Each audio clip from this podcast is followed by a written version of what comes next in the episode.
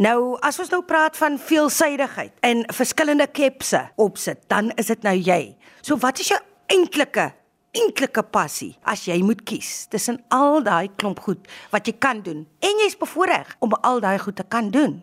Ek weet nie of ek sal kan kies nie. Mense vra my dit altyd in my day job. Dit is my lekker. Dit is vir my lekker om finansiële advies te gee en mense daarmee te help, maar dit is ook vir my lekker om te skryf, maar sommige skryfwerk is lekker, maar sommige kere is dit soos om bloed te sweet. Ehm um, dis dis dis dis is om te draf. Dis lekker om te gedraf het. Dis lekker om klaar te geskryf het. Ek sal nie noodwendig sê skryf is lekker per se nie. Dis lekker om dit te gedoen het.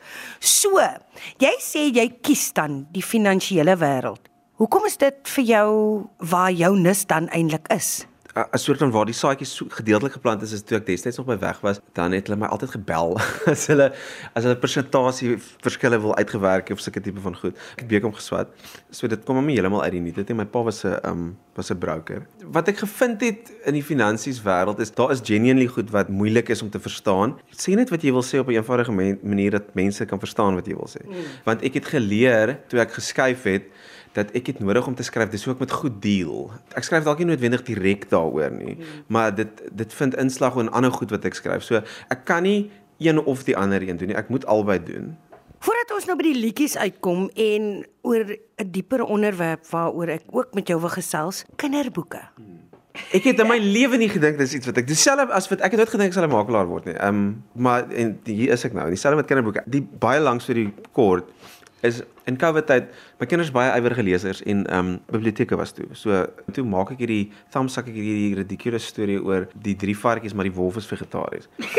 en En toe hou hulle baie daarvan en toe gaan skryf ek dit in 'n storie in in my kop sou dit 'n prentjieboek wees en toe stuur ek dit vir Tafelberg. Die boek het nou heel alright gedoen. Hy het my eie verwagtinge getref en ek het daarna toe nou nog eene geskryf, Baar in die Barbare, so 'n rympie boekie. Ek wou eintlik gedoen om te kyk of ek kan rym. Kinderboeke, dit is vir my lekker vir om te skryf want dit vat nie so lankie en is jy kan soort van fyn humor insit vir die ouers ook en dan nou vir die kinders.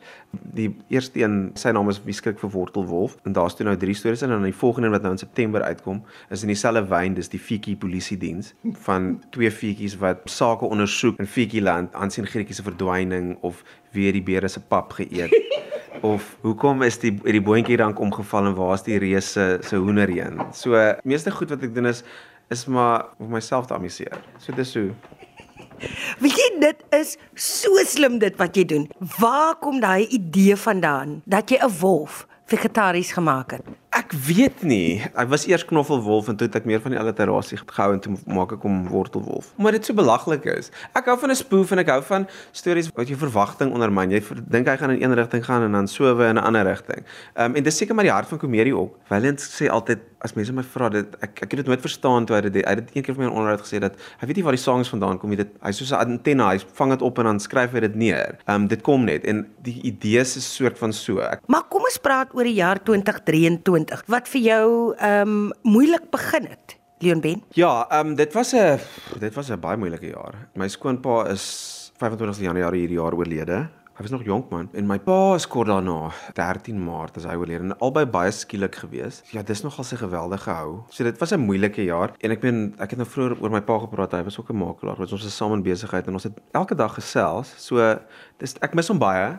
Die mense wat ons nou tipies sou bel vir raad, is nou nie meer daar nie. Die dood is maar ek gaan nou maar nie die woord sê wat ek wil hê, maar dit is nie lekker nie. Kom ons gesels oor verlies en hoe jy jou verlies hanteer het. Is daar 'n liedjie uit dit uitgebore? Nee, ek skryf selde direk oor sulke tipe van goed. Net na my na my pa se dood. My pa het 'n bly en ek het die oggend deurgery toe en ek dink die volgende oggend of die dag daarna het ek net hierdie beroering gekry om iets te skryf. Toe het ek daar 'n rubriek geskryf wat ek dit was 'n rapport gewees oor die onderwerp. Dit is bitter selde dat ek so iets doen, maar dit was nou dis nou een van daai stories wat ons het ook vroeër toe ons nou hier buite gesels het wat maklik gekom het. En ek was nie seker of ek hom actually wou publiseer nie omdat dit so jy weet redelik intens en persoonlik was. Mm. Wat ek gaan doen het is om oor die eintlik oor die rou emosie te gaan skryf en 'n plek te vind eintlik seker maar met heen te kanaliseer want almal van ons gaan een of ander tyd daarmee gekonfronteer is. Ek weet nie of dit al met jou gebeur het nie, maar yes, niemand kan jou voorberei op hoe brutal dit is nie. Dis soos 'n fisieke pyn wat in jou kom lê. Jy kan nie vir mense verduidelik jy wil net die hele tyd huil. Jy weet nie waar die trane vandaan kom nie en dit voel of jy nooit weer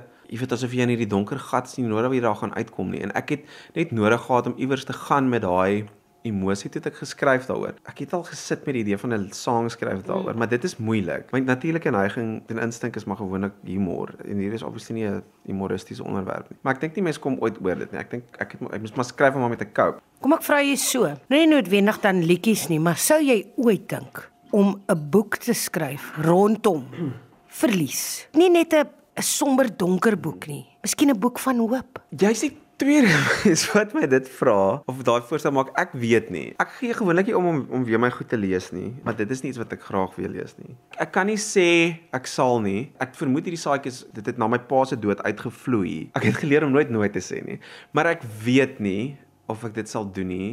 Maar ek gaan moet baie sterk voel dat dit is iets wat ek wil doen en redelik geïnspireerd voel om dit te doen. Ek weet daar broei nog goed in jou kop want jy bly joernalis. Jy kan nou maar hoe in die finansbedryf jouself bevind. Jy kan hoe mal wees daaroor, maar jy bly in jou hart 'n joernalis. Jy bly in jou hart 'n skrywer. Dalk 'n volgende kinderboek. Daar's 'n rubriek of 'n artikel wat ek al lank wil doen. In Heidelberg is daar by Heidelberg Kaap is daar 'n pampoenfees wat hulle die grootste pampoen, maar soos ek praat hier van massive goed, soos 800 kg, ek dink was laas jaar in 860 of hierdie jaar sin. Ek wil hoe lank sin toe gaan en 'n storie daar skryf want ek dink dit is net 'n lekker ding. Vir boeke weet ek nie so half goosebumps iewers tussen horror en humor. Ek het 'n rowwe idee daar, maar ek wil hom nog eers bietjie verder ontwikkel. En dan songs ook dit dit hang af wat wat my vat. Dis dis 'n lekker ding om te doen. Dis 'n lekker medium. Dis also amper 'n tipe van 'n onmiddellike katarsis want jy weet as jy die ding klaar geskryf het, dan het jy dit. Jy moet nog steeds aan die ding werk, maar dis daar, verstaan? En jy sit met die met die bones daar. Dis 'n redelike vinnige release van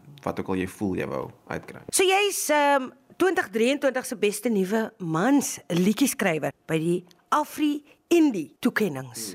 Hæ? Huh? Ek loop mos nie op koop met sulke goed, jong. dis le- lekker. dit is lekker om 'n klop op skouer te kry, maar dis nou nie iets wat ek ja. Ek sal aanhou om songs te skryf en dis my lekker om voor mense op te tree, maar ek het nie behoefte om die land vol te doen nie. Baie dankie. Namal bring lei snacks and the girls mark sly. This Bon Jovi and Backstreet Boys and Blink 182. This levenslange band, this smear with jobs and Grand Crew. Jy sit op die leerbank met jou Cabernet. Die lig wat aan jou kleef, ek het geval, ek bely. Ek drink my hand dry, maar jou woorde maak my dronk. Jou parfuum ons eerste soen verlief verlore jong.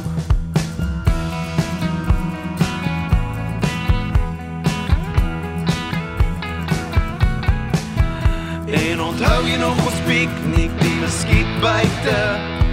Onder die firebom in my pa se tuin. Jou hande in myne nog lank voor verwyte. Jonk en onskuldig